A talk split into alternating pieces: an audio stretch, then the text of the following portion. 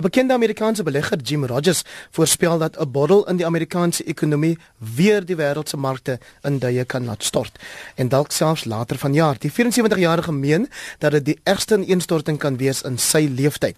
Melissa Tegie het die voorspelling met plaaslike ekonome bespreek. Ek wil dit nie 'n markineenstorting noem nie. Ek wil dit net dood eenvoudig noem 'n markafswaai, want hierdie ding vind gereeld plaas Die laaste groot internasionale markte ineenstorting was die finansiële krisis van 2008.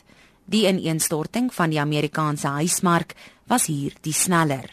'n Ekonoom by Rebalance Fondsbestuurders, Dr. Chris Harmse, verduidelik dat daar 'n sogenaamde 7-jaar siklus is. Ekonomie beweeg in resessies en beweeg in opswaai fases. Die laaste ineenstorting van die aandelebeurs in 2008 was dit een van die grootste resessies wat die wêreldekonomie gehad het in die laaste 100 jaar. So die persoon beweer dat hier is 'n volgende groot moment in die wêreldekonomie waar die wêreldekonomie 'n resessie sal insit in die volgende jaar of 2 en wat dan aanleiding gaan gee tot 'n verdere ineenstorting. Iets sal dit moet afsit. Laas was dit die subprima krisis waar ek nie saamstem saam met hom nie. Jy kan nie voorsien op hierdie stadium wat van die rede wees nie en is ook vir my op hierdie stadium as ekonom is daar geen statistiese data om te reken dat dit die grootste een gaan wees nog ooit. Die hoofekonoom by die Efficient Groep, Dawie Rood, stem tot 'n mate saam met die Amerikaanse belegger, Jim Rogers, se voorspelling. Wel, ek dink waar ek sekerlik met, met hom saamstem is dat daar die een of ander ineenstorting of 'n korreksie op die finansiële markte gaan plaasvind. So sonder twyfel gaan dit gebeur. Die enigste probleem is ek weet net nie wanneer dit gaan gebeur nie. Belangrik om te noem dat finansiële markte in sommige gevalle besonder duur is op 'n historiese vergelykende basis. Dit is ook so dat ons die afgelope tyd besonder baie stimulasie van die wêreld se sentrale banke gesien het. En ek sou nog nie verbaas wees as ons daar die een of ander korreksie van 'n aard is op die wêreld se finansiële markte nie. Maar dit is 'n natuurlike ding wat in elk geval kort kort gebeur. Rood sê elke ineenstorting het 'n sneller Hierdie gebeurtenis wat dit vooraf van is nie die rede hoekom die finansiële markte in duie stort nie. Dit is gewoonlik maar net die eerste pion wat omval. Die een daarvan moontlik is 'n opwaartse siklus in korttermyn rentekoerse. En ons het al reeds gesien dat die Amerikaners begin het om rentekoerse te verhoog. 'n Ander moontlikheid sneller kan wees dat die een of ander finansiële instelling soos 'n bank byvoorbeeld 'n ernstige finansiële probleme optel. 'n Nog 'n moontlikheid kan miskien wees 'n 'n land wat ergens nie in staat is om sy skuld terug te betaal nie. En daar's 'n hele klompie lande wat se skuld op vlakke is wat dit baie moeilik gaan wees vir daardie lande om hulle skuld te kan terugbetaal. Nog 'n moontlikheid kan een of ander natuurramp wees. 'n Natuurramp soos byvoorbeeld 'n groot kern ongeluk ernstig kan suits aan die aan die gang sit of dit kan dalk 'n oorlog wees. 'n Aandelemakelaar by PSG, Amelia Morgenrood, sê egter so 'n voorspelling is roekeloos. 'n Stikkende horlosie is twee keer op 'n dag reg.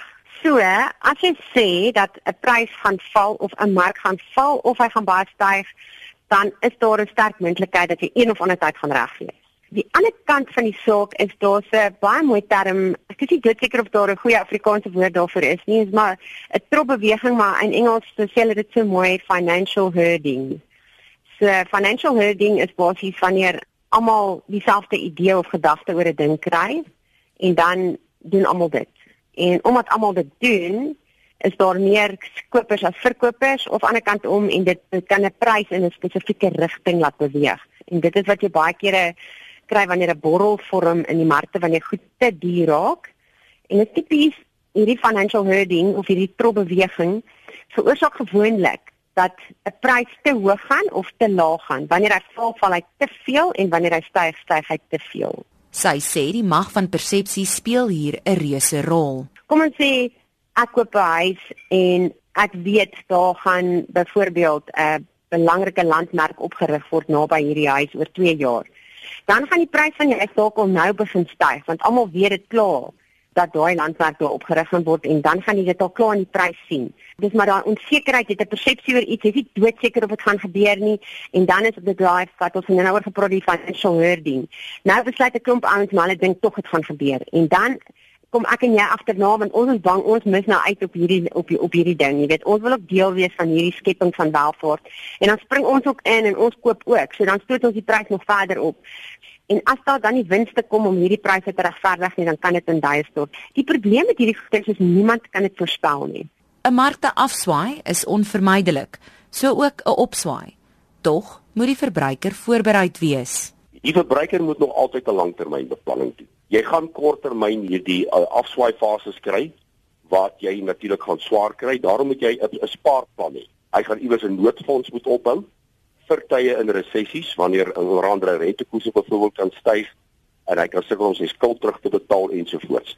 Dat as jy byvoorbeeld 'n belegger is, dan maak dit nie sin om ergens te gaan wegkry nie. Dit maak nie sin om jou beleggers op die finansiële markte te likwideer nie. Die beste wat jy nou maar kan doen is om seker te maak dat jy 'n goeie waterbestuurder het en dan moet jy nou maar vasbyt ten tye van die goeie en die slegte tye. Want dalk gaan dit gebeur dat ons oor die volgende jaar of 2, 3 weer 'n keer 'n verdere beloopie sien wat eintlik aandelebeurse en ander finansiële markte uh, baie goed kan doen. Jy weet mense moet versigtig wees om te veel geld te spandeer en te veel skuld te maak dat hulle nie kan terugbetaal nie want ons is nie seker wat die toekoms inhou en hoe dinge hier in Suid-Afrika gaan gebeur nie. Maar aan die ander kant, jy weet hoe, hoe banger ons almal is en hoe meer ons terug staan en niks doen en en nie betrokke raak in die ekonomie nie, slegter vir die ekonomie. Dit was die ekonome Amelia Morgenrood, Davie Rood en Dr Chris Harmse. Ek is Melissa Tuggie vir SAK nuus.